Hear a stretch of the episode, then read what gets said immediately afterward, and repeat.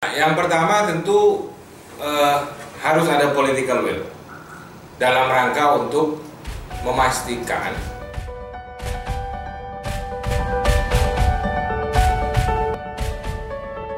korupsi itu bukan letakkan hanya pada konteks slogan.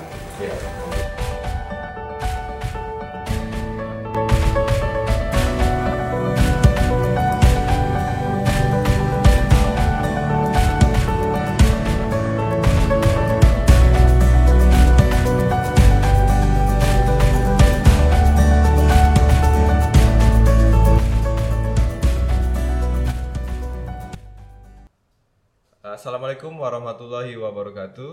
Eh, Selamat sore Sobat Cikalari. Kembali lagi podcast kita sore hari ini, ruang diskusi dan berbagi untuk para penggerak. Kali ini kita kedatangan tamu dari teman-teman dari Fitra Riau. Sudah hadir di studio Cikalahari, Bang Triono Hadi. Halo Bang Triono. Halo, Selamat datang Bang. Bang Aldus. Eh, terima kasih telah diundang nih. Iya, sudah ngopi tadi ya? Ini. Iya, eh, kita sore hari ini diskusi santai terkait eh, cerita bagaimana Fitra Riau eh, melakukan advokasi untuk anggaran terutama fokus di lingkungan hidup di Riau. Sebelum kita jauh, mungkin bisa perkenalan dulu nih, Bang Triono, eh, nama dan lembaganya, sejarah singkatnya seperti apa nih Fitra Riau. Silakan Bang Triono. Ya, eh, terima kasih Aldo. Eh, tentu terima kasih ke Jigalari ya udah diundang untuk eh, apa namanya bercerita-cerita ya, di Bual-bual santai. buah-buah santai. Nah, eh, perkenalkan sebelumnya ya saya Triono Hadi gitu ya. Eh, sudah sejak 2018 lah dipercaya sama teman-teman untuk eh, menjadi koordinator. Istilahnya kalau di kita itu kan koordinator ya. Koordinator di eh, Forum Indonesia untuk Transparansi Anggaran eh, Provinsi Riau yang eh, ya sampai sekarang sampai eh, di karena dia kalau di Fitra itu kan dia tiga tahun tiga Hmm. tahun tiga tahun Berarti udah mau habis nih ya? ya kalau si mekanisme ini sih sampai bulan 8 ya. Bulan 8 ya. 9. Tapi aroma-aroma KLB belum ada di Fitra berarti. belum tahu. Belum kan kusak kusuknya sudah mulai muncul. Ya eh, Fitra sendiri sih sebenarnya kan ya tentu eh, ini bagi yang belum tahu Fitra gitu ya eh, tentu dari sisi namanya eh, karena dia namanya Forum Indonesia untuk Transparansi Anggaran jadi memang eh, secara spesifik eh, lembaga ini bergerak di isu eh, transformasi eh, terhadap upaya-upaya gitu ya eh, dalam rangka untuk eh, mendorong kebijakan yang lebih eh, kebijakan anggaran yang lebih baik, lebih transparan, lebih akuntabel gitu ya. Dan eh, tentunya lebih eh, inilah lebih efektif, efisien dan seterusnya. Nah, eh, s- Fitra sendiri itu eh, telah ada gitu ya karena memang eh, kita me- mengalami kesulitan untuk menemukan dokumen-dokumen lama. Tapi secara beberapa kita ngobrol dengan para pendirinya dulu, itu Fitra itu mulai ada sejak antara 2003 2004 lah. Jadi memang ketika hangat-hangatnya isu reformasi dan eh, kemudian eh, secara nasional membentuk eh, Fitra di nasional gitu ya atau eh, di kalau di Fitra itu disebut sekretariat nasional gitu ya Seknas gitu ya. seknas gitu ya kemudian di daerah-daerah akhirnya eh, menjadi simpul jaringan Di Riau sendiri tahun berapa? di Riau ya di Riau itu ya sekitar tahun Oh, udah 2003, 2003. 2003 Nah, eh, apa namanya ya didirikan oleh eh, ini dulu kan menjadi lembaga eh, lembaga payung awalnya itu kan Riau Mandiri ya. Ada namanya Rio Mandiri yang juga jadi anggota juga. Hari lalu kemudian membentuk eh, Fitra gitu ya eh, sebagai badan pekerja tapi lembaga besarnya dari eh, Rio Mandiri, Rio Mandiri. itu. Nah, termasuk salah satunya ya Ribut Susanto, Pak Ribut Susanto, kemudian ada Pak Pariasin, Yasin. eh, dan beberapa yang lain ya saya juga eh, lupa ada sih catatannya. Ya. Ada panjang sekali berarti kalau Panjang catatan sekali itu. makanya sampai lupa. Nah, eh, lalu kemudian di 2000 mulai tahun 2012 awal lah ya akhir 2011 kemudian eh, apa namanya diprakarsai termasuk oleh Usman gitu ya. Eh, saya terus ada satu lagi tim gitu ya yang udah nggak lagi di Mitra. Siapa itu? ada namanya Faisal dulu namanya. 2011 lah. Itu kita akhirnya me- menjadikan Fitra itu sebagai lembaga sendiri. Ya, istilahnya tidak lagi Lepas dari hidup dari eh, Rio Mandiri. Nah, kita badan hukumkan gitu ya kemudian kita eh, notariskan lalu kita daftarkan ke Kemenkumham itu mulai tahun 2007 2012 12. jadi se- sejak itulah maka eh, Fitra itu akhirnya eh, menjadi perkumpulan gitu ya, perkumpulan sebagai apa namanya sebagai badan hukumnya legal hukumnya dan selanjutnya eh, sampai sekarang gitu ya sampai sekarang eh, berproses.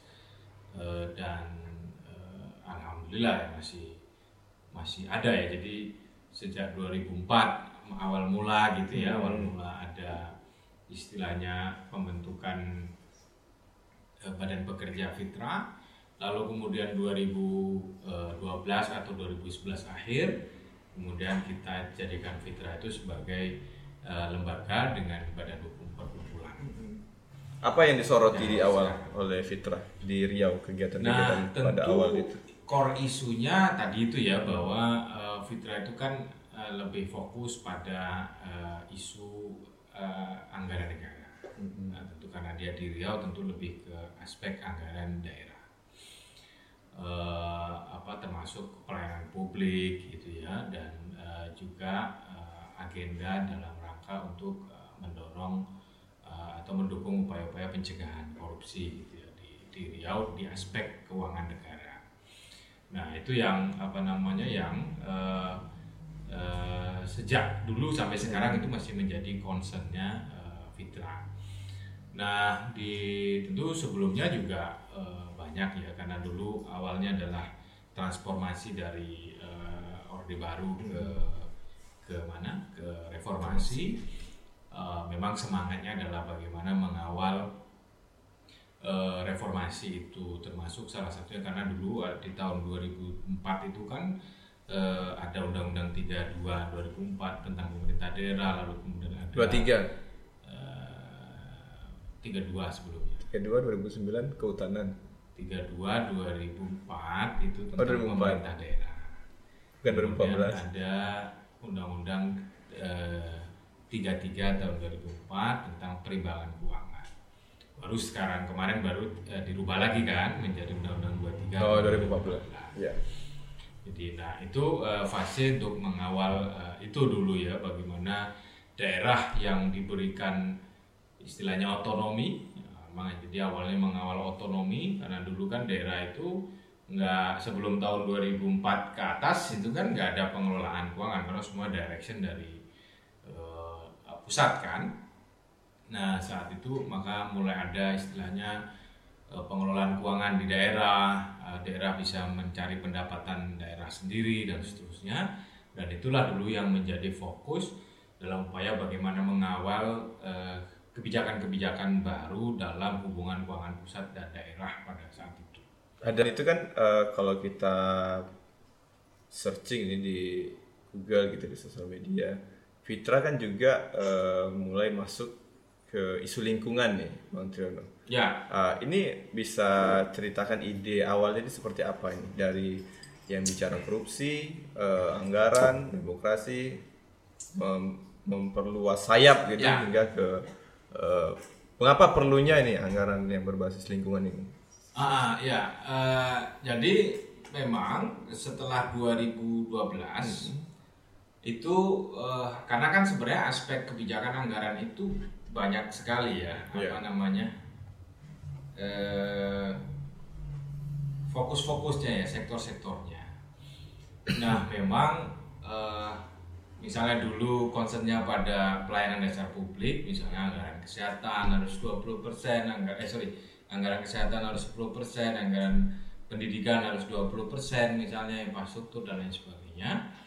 Nah memang ada satu hal yang eh, justru tidak memang itu tidak menjadi isu di semua daerah. Tapi untuk konteks Riau eh, ada satu hal yang memang juga harus menjadi perhatian pada aspek eh, climate budgeting gitu ya, anggaran untuk perubahan iklim. Yang dari dulu misalnya awal-awal nih ketika kita mulai main apa masuk pada isu eh, kebijakan anggaran lingkungan itu kan eh, Riau dulu eh, kebakaran hutannya Ya. nggak nggak selesai gitu ya. Sampai sekarang itu Ya, informasinya masih sekarang. kebakaran.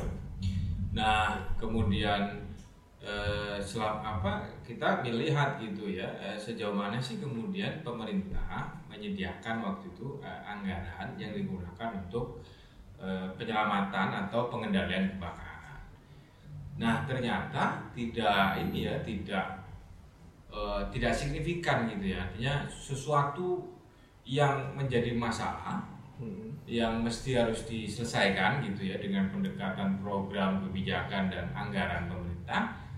Tapi ternyata ketika kita melihat pada aspek penganggarannya di daerah itu tidak mencerminkan eh, anggaran eh, apa sebuah kebijakan program yang memiliki masalah besar khususnya pada Ya. konteks Iya, secara tidak langsung tidak mendukung agenda ya jadi agenda kan namanya, mestinya pencegahan gitu ya. benar jadi eh, bahkan dulu awal-awal kita melihat eh, Riau ini yang isu lingkungan hidupnya besar masalahnya banyak begitu ya mulai dari ya tadi itu kebakaran kemudian ada konflik kemudian ada Banjir. banjir dan uh, dalam Konflik. penyelamatan hutan juga Ya. dan seterusnya itu itu enggak eh, dulu ya kita melihat eh, itu tidak menjadi mainstream di dalam kebijakan program dan anggaran.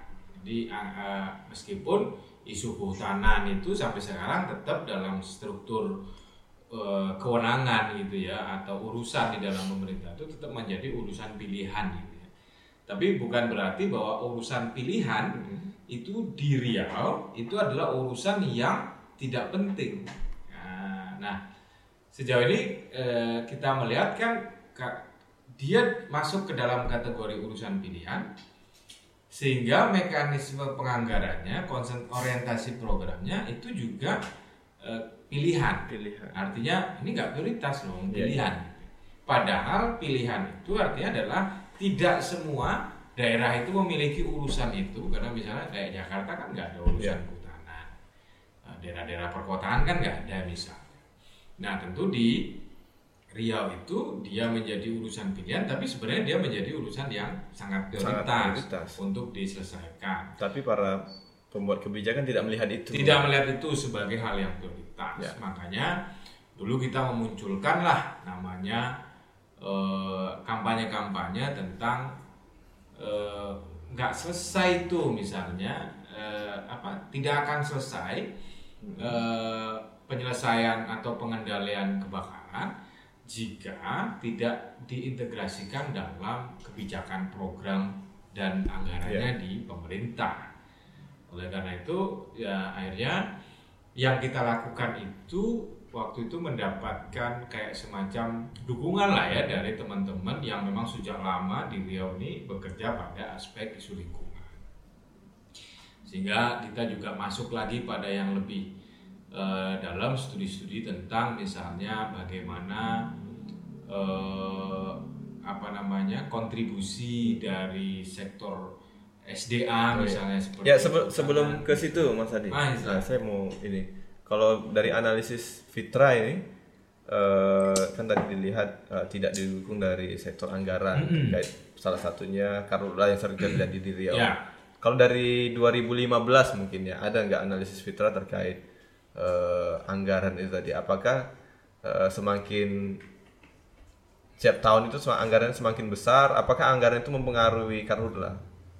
Misal anggarannya gede, karhutlanya juga gede gitu, Ya. atau anggarannya kecil tapi tidak terjadi karhutla. Gimana di pandangan Fitra melihat itu? Ya tentu itu tidak bisa menjadi eh, istilahnya satu-satunya faktor. Eh, karena anggaran itu tetap menjadi instrumen.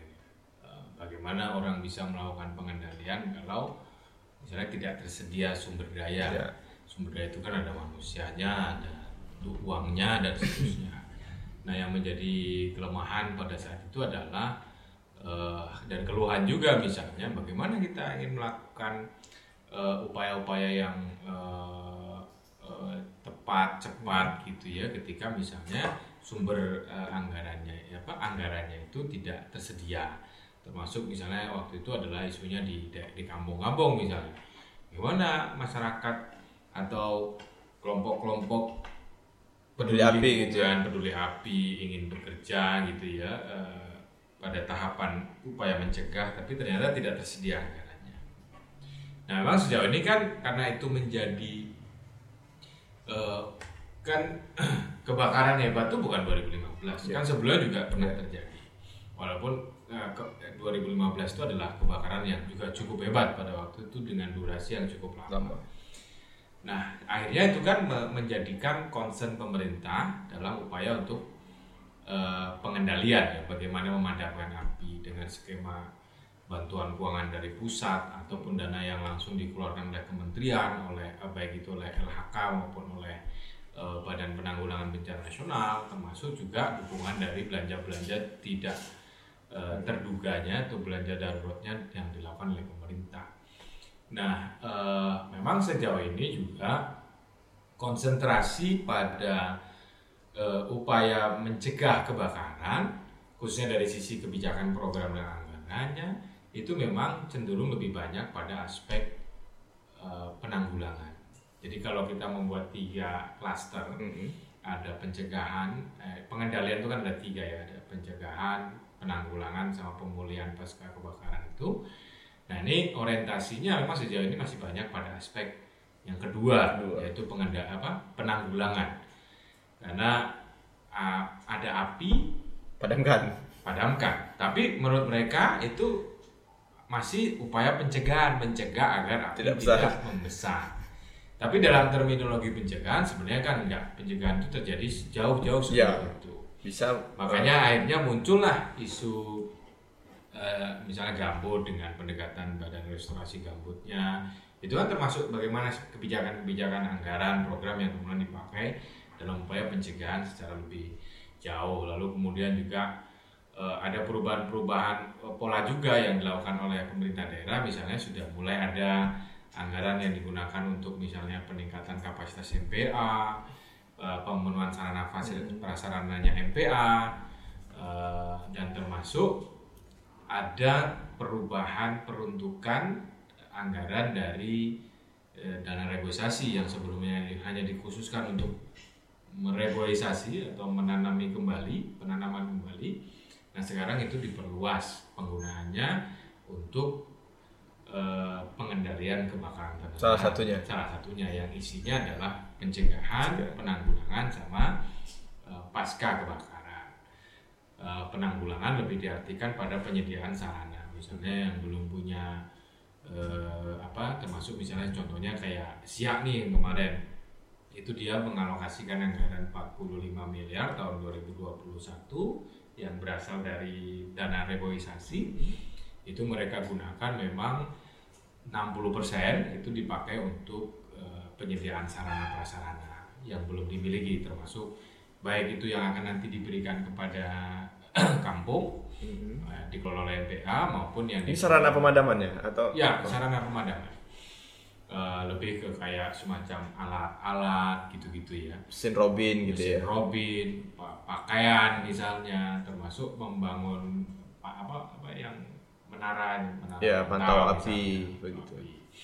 Nah, sebagian itu digunakan untuk dalam hal misalnya kayak uh, patroli misalnya. Nah itu patrolinya ya sudah direncanakan ya misalnya uh, apa ketika ada uh, situasi tertentu misalnya udah nggak terjadi panas uh, beberapa hari, eh nggak terjadi hujan beberapa hari, maka itu kemudian patroli ada tim-tim gitu ya. yang kemudian melakukan monitoring. Termasuk kayaknya ada juga yang digunakan untuk membeli kayak semacam alat uh, ini drone gitu. Drone, Oh, gitu. bisa juga ya. bisa termasuk itu salah satunya ya. Tapi itu memang karena re- eh, namanya dana reboisasi itu asetnya adalah aset pemerintah, Pemerintah. daerah Eh, dan itu misalnya di eh, dikelola oleh kampung misalnya itu. Nah eh, tidak hanya itu ya, jadi bergeser juga ada eh, desa-desa yang eh, rawan kebakaran itu juga akhirnya sudah sekarang sudah mulai eh, istilahnya konsentrasi di sana baik itu atas dasar instruksi eh, bupatinya instruksi kementerian maupun atas inisiatif-inisiatif di Sudah di mulai muncul desa. ya inisiatif sudah mulai sendiri gitu. sudah mulai muncul eh, karena juga desa itu punya sumber daya yang cukup besar nah sehingga eh, maksudnya besar itu secara akumulasi tapi kalau di desa kan dia kecil juga ya tapi dia sudah ada yang mengalokasikan misalnya untuk MPA eh, atau mereka bungkus dengan eh, apa dimasukkan dalam anggaran lingkungan hidup misalnya kan ada bidang lingkungan Ya. hidup dan kehutanan di level desa nah itu sekarang sudah Sudah mulai. sudah mulai ya. Ya. Eh, bukan hanya di Siak saja tetapi di beberapa daerah juga sudah ada misalnya ada yang Di Riau misalnya eh, daerah mana saja nih misalnya yang di sudah diintervensi oleh Fitra? itu eh, termasuk eh, misalnya di dalam peraturan bupati tentang penggunaan dana desa Hmm. itu mereka masukkan agar desa-desa itu menyediakan eh, anggaran untuk eh, di sana disebutkan adalah anggaran untuk ini ya eh, ketahanan bencana itu misalnya 20 juta, Hmm. 25 juta. Begitu juga ada di Pelalawan ya. Oh, Pelalawan juga sudah? ada. Itu lebih spesifik di MPA-nya. Jadi ada eh, apa namanya juga dimasukkan ke dalam ke dalam eh, apalah namanya ya peraturan bupati itu tentang eh, penggunaan dana desa yang dari alokasi dana kampung itu atau Ya. dana desa itu eh, misalnya bisa digunakan untuk eh, masyarakat peduli api besarannya itu mulai dari 5 juta. Sampai? Ada juga yang kayak di dulu ya kayak sekarang memang eh, dulu misal 2019 itu sebelum Covid ini. sebelum covid. Itu di apa ya daerah Kepulauan Meranti. Pulau sebelum Muda? Ah Pulau Muda itu adalah desa, desa yang paling gede waktu itu menganggarkan untuk eh, pengendalian eh, MPA oh, MPA hampir 45 juta apa berapa. Per tahun. Ya, yang eh, terakhir tuh dulu update-nya 2019, terus 2020 kita belum update lagi.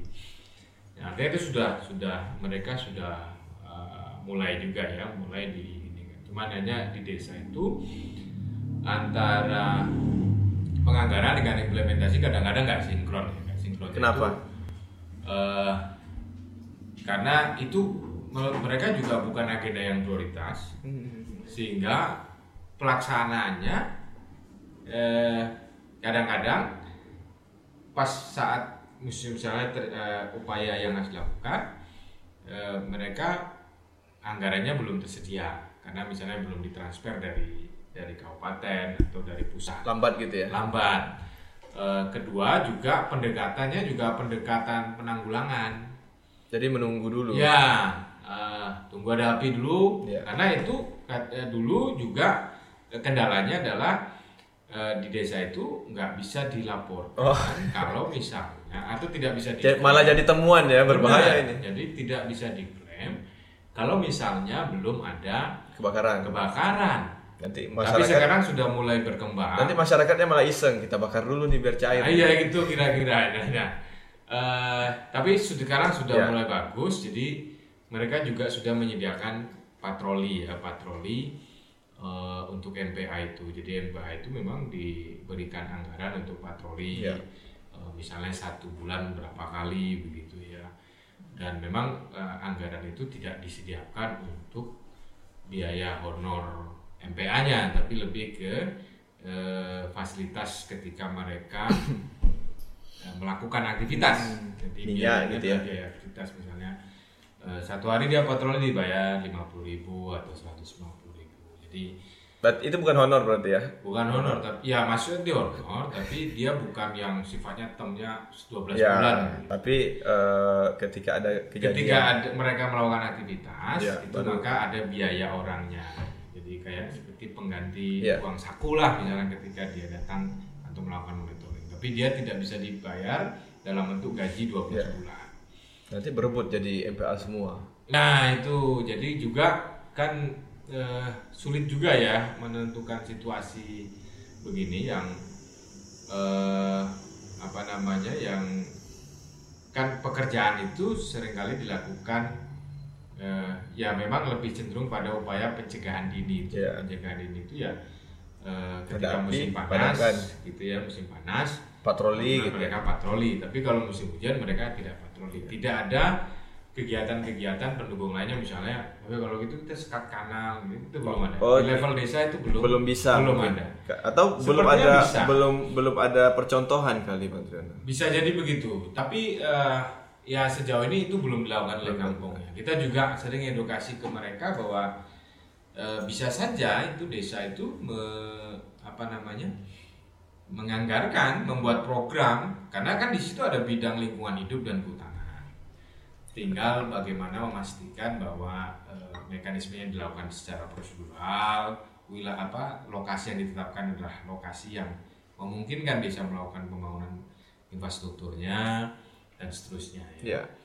Ya, kalau tidak memang itu akan tetap juga akan menjadi uh, temuan gitu ya misalnya ketika dia bangun di uh, kanal yang itu uh, sangat tidak mungkin gitu dilakukan oleh Selain Pelalawan dan Siak ini Triana, kalau di Riau ini kan ada banyak kabupaten yang memang rentan karhutlah. Ya. Apakah teman-teman Fitra juga sudah mendorong untuk eh, dana DR ini bisa digunakan di situ atau baru Oke. dua ini saja? Kalau DR sih sebenarnya kita sejak 2017. Jadi karena DR itu berubah kebijakannya itu dimulai dari ketika diimplementasikan Undang-Undang 32 eh, 23 2014. Ketika eh, ada Undang-Undang Pemerintah Daerah. Ya. Kan dulu kan eh, kabupaten masih ada Dinas. urusan kehutanan. Ya. Nah, sekarang kan enggak. Kewenangannya ada ditarik ke provinsi. Tapi sementara yang dilakukan sejak tahun 2006 sampai tahun 2016 10 tahun dana DR yang ditransfer ke Daerah. kabupaten itu nggak dipakai numpuk berarti. numpuk jadi ternyata setelah dihitung Hitung.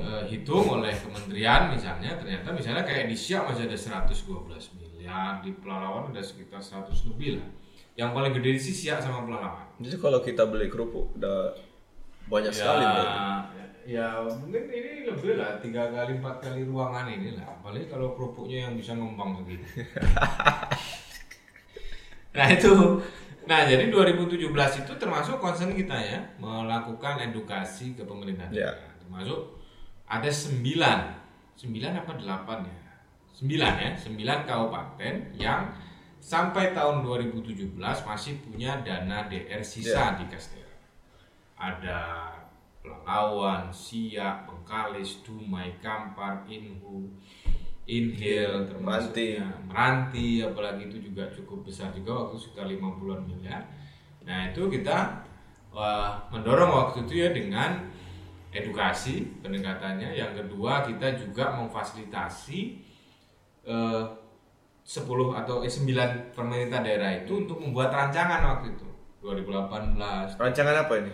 penggunaan Oh, rancangan penggunaannya. Eh, termasuk tapi yang intens itu ada di tiga eh, Meranti, Inhu, eh. Meranti, Inhu, Pelalawan, Siak waktu itu. Empat itu berarti. Empat ya, Pak.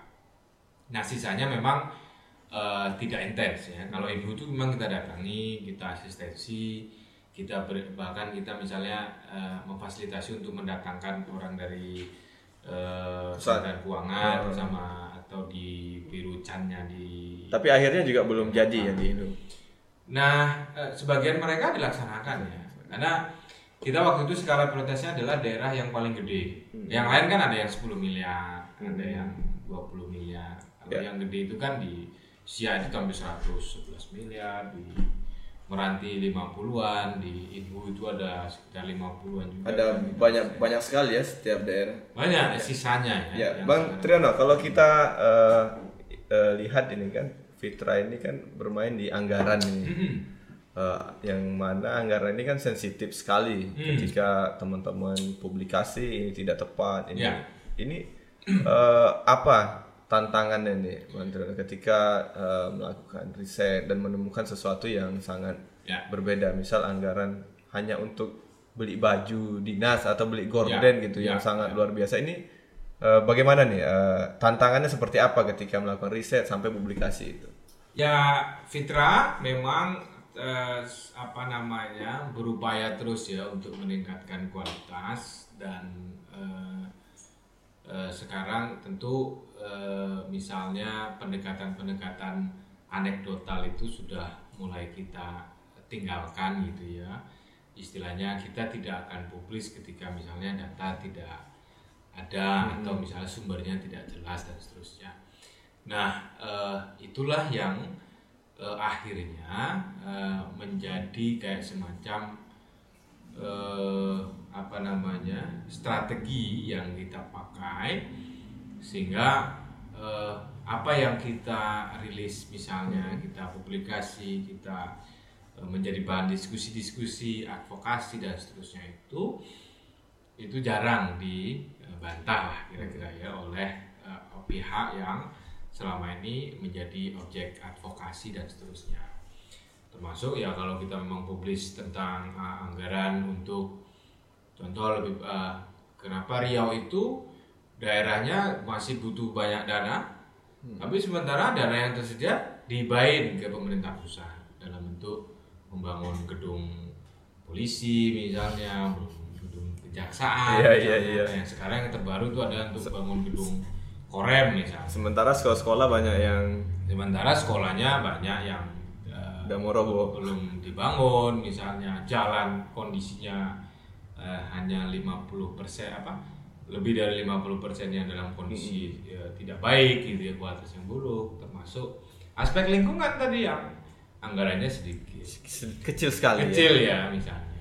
Nah bayangin aja kan untuk bangun ya, untuk bangun yang mestinya itu menjadi tanggung jawab pemerintah pusat itu dilakukan. Ya. termasuk juga di daerah-daerah. Daerah itu misalnya pada aspek eh, anggaran itu ya masih men- kita masih menemukan banyak pemborosan misalnya ya nggak efektif programnya ke mana tapi kegiatannya apa dan seterusnya itu nah eh, ya tantangannya adalah eh, karena memang anggaran itu eh, menjadi tadi itu ya eh, informasi yang sensitif maka kita sulit juga untuk mendapatkan eh, informasi yang eh, valid tentang Valid. anggaran Nah, itu yang pertama. Makanya memang kita tetap menggunakan pendekatan ya itu tadi open government sebagai mekanisme ya bagaimana daerah itu kita dampingi itu bahkan kita ada enam termasuk provinsi ya enam itu kita mendampingi untuk agar mereka meningkatkan sistem layanan informasi termasuk informasi anggaran di Siak, di Palawan, Bengkalis, Meranti sama eh, Ibu juga yang juga kita konsen untuk mendampingi. Nah, Eh, itu sebenarnya channelnya ya, Ya. bagaimana cara agar kita mendorong mereka untuk memahami soal keterbukaan, lalu apakah informasi anggaran itu terbuka atau tertutup, termasuk informasi-informasi yang lain yang juga kaitannya dengan isu lingkungan, misalnya dokumen perizinan dan seterusnya. Eh, itu menjadi tantangan ya kita untuk mendapatkan data valid. Yang kedua tentu tantangannya adalah eh, karena ini sifatnya misalnya kita mempublikasi Iya. sesuatu yang dibuat oleh pemerintah lalu kemudian eh, cenderung mempermalukan misalnya contoh kayak anggota DPR jalan-jalan ke luar negeri misalnya di tengah covid lagi di tengah covid lagi minta-minta untuk mau ke Eropa, Eropa. misalnya. nah itu kan ya kita karena dapat dokumennya akhirnya eh, itu menjadi sesuatu hal yang yang memang harus kita publikasikan sebagai bentuk edukasi sebenarnya bukan hanya mempermalukan. Nah, ya sedikitnya juga ada niat mempermalukan lah bahwa situasi oh memang ada niat ya mempermalukan Ya kita mempermalukan. Jadi advokasi yang paling sederhana itu kan mempermalukan orang. Jadi, Tapi kan di satu sisi kan hanya menampilkan fakta. ya fakta. Tinggal publik yang menilai apakah Benar, ini bagus atau layak sebagai anggota DPR melakukan hal ini. gitu. Betul, betul. Itu itu sebenarnya yang yang salah satu pendekatan advokasi kan gitu kita membuatkan data begini.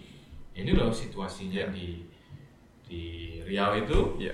bahwa ada alokasi anggaran yang digunakan untuk eh, ke sana. Nah, eh, ya itu ya kalau ya. tantangan-tantangan dalam bentuk misalnya eh, teror misalnya ya, tantangan dalam bentuk eh, ada event Hmm. Misalnya ada perlawanan lah, itu sejauh ini kita juga Belum belum ya, karena memang kita advokasinya soft juga ya, nggak nggak, keras gitu ya. Kalau misalnya ada konteks laporan kita nggak pernah publis juga ya, ya. Jadi kita diam-diam aja kalau Karena di laporan. di bumi Melayu ini kan pa- pada segan semua kan. Jadi makanya masih aman advokasinya sampai saat ini. Ya Kita udah hampir dua jam ini Mas Rino, Loh, nggak serius? terasa. Iya. Jadi eh, mungkin di akhir sesi ini kita minta eh, Riau kan juga masih zona merah korupsi sampai saat ini. oke Eh, dari sisi anggaran yang paling banyak juga di ASN juga Ya. Ke kepala daerah juga korupsi gitu ya. Eh, terakhir nih sam- sekaligus penutup apa nih harapan teman-teman Fitra Riau untuk bagaimana nih Riau bisa, Bisa keluar dari keluar zona dari merah? zona merah korupsi. Ya, ke, ke kuning atau hijau gitu ya? Ya ya. Silakan. Ya, yang pertama tentu eh, harus ada political will dalam rangka untuk memastikan, bukan memastikan ya, komitmen utama dalam eh, implementasi penyelenggaraan pemerintah itu memang anti korupsi itu bukan diletakkan hanya pada konteks slogan ya untuk tapi memang diikuti dengan kebijakan.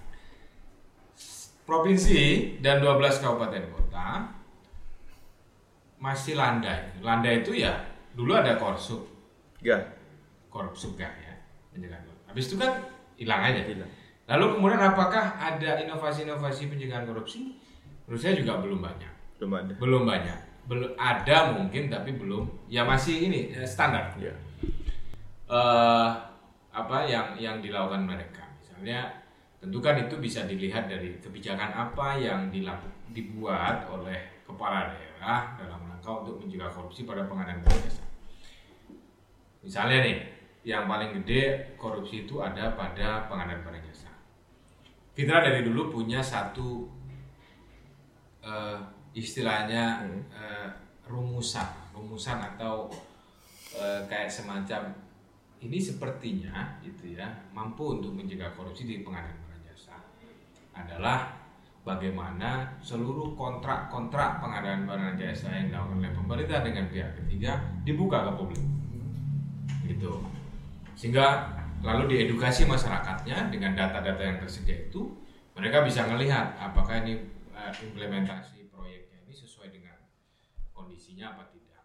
Tapi itu nggak Tidak akan berani tidak berani sampai juga Iya. gubernur juga nggak begitu nggak berani Iya. tawarin begitu gubernur yang sekarang teh ya sekarang yang dulu sama aja sama aja ya sama aja sekampung kan Nanti ya. nah, eh, terakhir lah terakhir nih terakhir terakhir. Iya. Nah, tentu pendekatannya adalah OGP itu penting, Open Government Partnership. Masyarakat itu akan bisa berpartisipasi dalam monitoring, dalam kolaborasi eh, pencegahan korupsi ya misalnya. Itu ketika ada eh, ada dua. Jadi ketika keterbukaan itu secara teorinya itu akan mendongkrak partisipasi. Tanpa keterbukaan partisipasi tidak akan terbuka, eh, tidak akan bisa terdongkrak secara baik. Kenapa? Karena eh, bagaimana Aldo ingin berpartisipasi memonitoring izin-izin, tapi sementara dokumennya tidak dibuka. Dibuka, syaratnya macam-macam. tapi petanya nggak dikasih Petanya nggak dikasih. Itu kan sama. sama aja Oleh karena itu, maka penerapan itu sangat penting. Ya, Jadi membuka informasi yang diawali oleh pemerintah, ini ya pure komitmen untuk proaktif. Masyarakat yang ikut dalam hal memanfaatkan informasi-informasi itu dalam rangka bukan untuk mencari salahnya pemerintah, tapi dalam rangka untuk bareng-bareng monitoring, evaluasi, lalu apa yang sebaiknya dilakukan. Itulah makna dari kolaborasi eh, apa partisipasi atau eh, partnership dalam eh, pemerintahan. Jadi ada tiga kan ada pemerintah, swasta, sama masyarakat. Ini yang kepentingan ini harus eh, bisa saling eh, di istilahnya dikolaborasiin. Dikolaborasiin ya eh, dalam arti masyarakat punya hak atas informasi, Oh, iya. masyarakat punya hak untuk melakukan monitoring dan seterusnya itu. Kalau itu dilakukan, itu juga menjadi salah satu strategi yang harus dilakukan oleh oleh eh, pemerintah dalam mencegah korupsi di berbagai macam lini. Salah satu hal yang kita lakukan ini ngobrol nanti kalau di skip. Misalnya kayak di pelayanan publik, masyarakat penerima BPJS atau masyarakat yang eh, sebagai peserta BPJS ketika berobat dipalak sama orang rumah sakit misalnya dengan berbagai alasan. Nah itu karena di katanya ini ditingkatkan obatnya ditingkatkan kosong. fasilitasnya kamar kosong dan seterusnya. Nah itu kita edukasi. Kemudian ada keterbukaan. Pemerintah menjelaskan secara lebih jelas tentang aspek pelayanan kesehatan yang benar ideal itu ketika dia peserta BPJS bagaimana lalu kan ada apa namanya eh, teredukasi publiknya.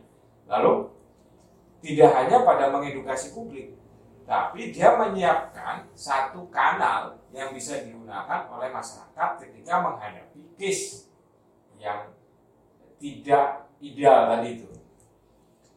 Nah, sehingga akhirnya itu dipakai oleh masyarakat untuk mengadukan eh, dan pengaduan dilakukan secara cepat gitu ya dan akhirnya masyarakat eh, menerima manfaatnya misalnya uang yang dipalak sama rumah sakit itu hanya dikembalikan. kembalikan bahkan ke depan tidak akan terjadi. Dan itu tidak terjadi lagi karena itu menjadi shock terapi ya. jadi tidak eh, pendekatannya tidak begitu apa langsung dilaporin dia Ya, ditangkap enggak tapi memang pendekatan-pendekatan yang win-win solusi itu menjadi Ya. sangat penting juga untuk kita lakukan. Super sekali ya. Ya Ya, eh, terasa eh, sudah di akhir sesi. Se- satu jam lebih kita berbincang bersama Bang Triyono Hadi dari Fitra Riau seputar anggaran eh, dan keterbukaan informasi di Provinsi Riau. Sampai bertemu lagi di podcast kita selanjutnya, ruang diskusi dan berbagi untuk para penggerak. Saya akhiri, Assalamualaikum warahmatullahi wabarakatuh.